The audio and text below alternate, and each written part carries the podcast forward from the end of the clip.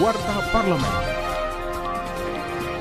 Inilah Warta Parlemen bersama saya Edo Da Vinci. Wakil Ketua Komisi 3 DPR RI Ahmad Syahroni meminta kepada polisi siber untuk segera mengusut oknum yang membocorkan dan menjual 279 juta data informasi personal warga negara Indonesia. Baginya kondisi ini mengkhawatirkan setelah sebelumnya mengemuka isu jual beli data pasien COVID-19 di Indonesia. Politisi Partai Nasdem ini menilai seringnya kebocoran data menunjukkan otoritas di tanah air belum optimal dalam melindungi data warga negara. Warta Parlemen. Komisi 5 DPR segera memulai pembahasan revisi Undang-Undang Nomor 38 Tahun 2004 tentang jalan dan rapat kerja dengan Menteri PUPR dan Menteri terkait lainnya. Komisi 5 secara resmi telah menerima daftar inventarisasi masalah dari pemerintah terkait RUU yang akan dibahas. Ketua Komisi 5 DPR RI Lasarus menjelaskan revisi Undang-Undang Jalan ini agar dapat mengatur penyelenggaraan jalan di Indonesia secara komprehensif yang meliputi pengawasan atas sistem, fungsi, dan wewenang penyelenggaraan jaringan jalan. Informasi lebih lengkap kunjungi website dpr.go.id.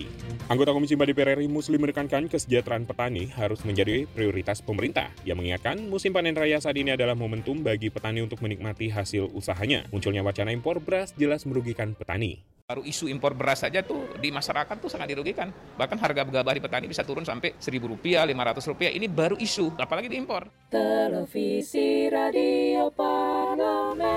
Sekretariat Jenderal DPR RI melalui TV dan Radio Parlemen kembali menyelenggarakan Lomba Orasi Bintang Orator atau LOBO. Lomba kali ini bersama Komisi 7 DPR mengajak publik untuk memberikan masukan terhadap rancangan undang-undang tentang energi baru dan terbarukan atau RUU EBT. Peserta orasi mendaftarkan diri melalui email bintangorator@dpr.go.id dan mengirimkan rekaman orasi dengan durasi maksimal 5 menit. Pendaftaran ditutup tanggal 28 Mei yang akan datang. Ketua Komisi 7 DPR Sugeng Suparwoto akan bertindak selaku Ketua Dewan Juri. Orasi peserta akan menjadi masukan bagi panja RUU tentang energi baru dan terbarukan.